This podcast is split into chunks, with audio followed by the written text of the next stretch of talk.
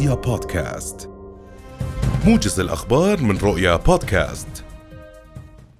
نفى مدير عام شركة الجسر العربي للملاحة عدنان العبادلة توقف حركة الملاحة المتجهة من ميناء العقبة إلى النويبع والعكس وأكد العبادلة لرؤيا أن الحركة كما المعتاد ولم تتغير ونشرت في وقت سابق اليوم وثيقة تظهر أن شركة القناة للتوكيلات الملاحية المصرية أبلغت إدارة جمارك ميناء نويبع بقرار وقف حركة الشاحنات إلى العقبة.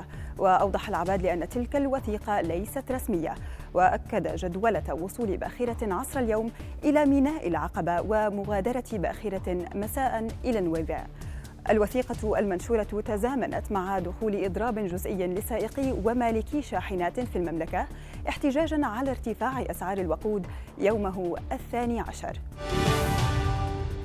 قرر مجلس إدارة جمعية البنوك الأردنية تأجيل أقساط قروض الأفراد لشهر كانون الأول ديسمبر الحالي دون استيفاء عمولة الجمعية أوضحت في بيان أن القرار يأتي انطلاقا من المسؤولية المجتمعية للبنوك العاملة في الأردن وسعيا منها للتخفيف على المواطنين في ظل الظروف الاقتصادية الراهنة.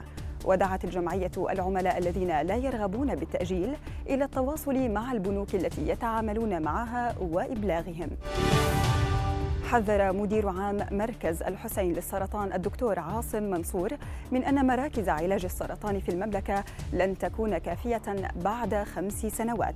الدكتور منصور قال لرؤيا إن مركز الحسين للسرطان يستوعب شهريا نحو 500 مريض وأكد منصور أن الاكتظاظ في بعض المراكز المخصصة لعلاج السرطان يأتي لعدم وجود مرجعية موحدة لتنظيم استقبال وتحويل المرضى.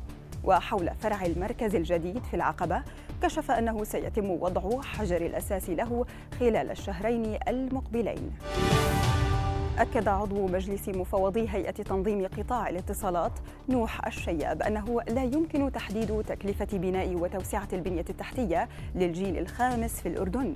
وأوضح خلال حديثه لرؤيا أن شركات الاتصالات بدأت في دراسة كلف التوسع في شبكات الاتصالات واستقبال العروض من الشركات المعنية. وبهدف توسعة البنية التحتية للجيل الخامس أشار الشياب أن الحكومة أقرت الاستراتيجية الوطنية للتحول الرقمي لعام 2021-2025 طلب الرئيس المصري عبد الفتاح السيسي من الولايات المتحدة المساعدة في الضغط على إثيوبيا للتوصل إلى اتفاق بشأن سد النهضة. وخلال مشاركته في القمة الأمريكية الأفريقية تطرق الرئيس السيسي إلى ملف سد النهضة.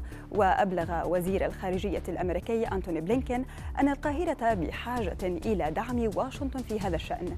من جهته شدد بلينكين على أهمية التوصل إلى تسوية دبلوماسية تحمي مصالح جميع الأطراف السد الأكبر في القارة الأفريقية والمقام على النيل بكلفة أربعة مليارات ومئتي ألف دولار تخشى مصر أن يقلل من إمداداتها المائية خاصة وأنها تعتمد على النهر بنسبة 97% في تأمين احتياجاتها من مياه الري والشرب.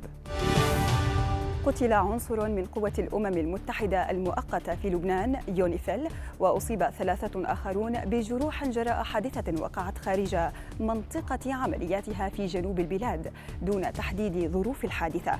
من جهته أعلن وزير الخارجية والدفاع في الحكومة الأيرلندية سايمون كوفيني في بيان أن عنصرا من الكتيبة الأيرلندية قتل وأصيب آخرون بجروح في الحادثة التي وصفها بالخطيرة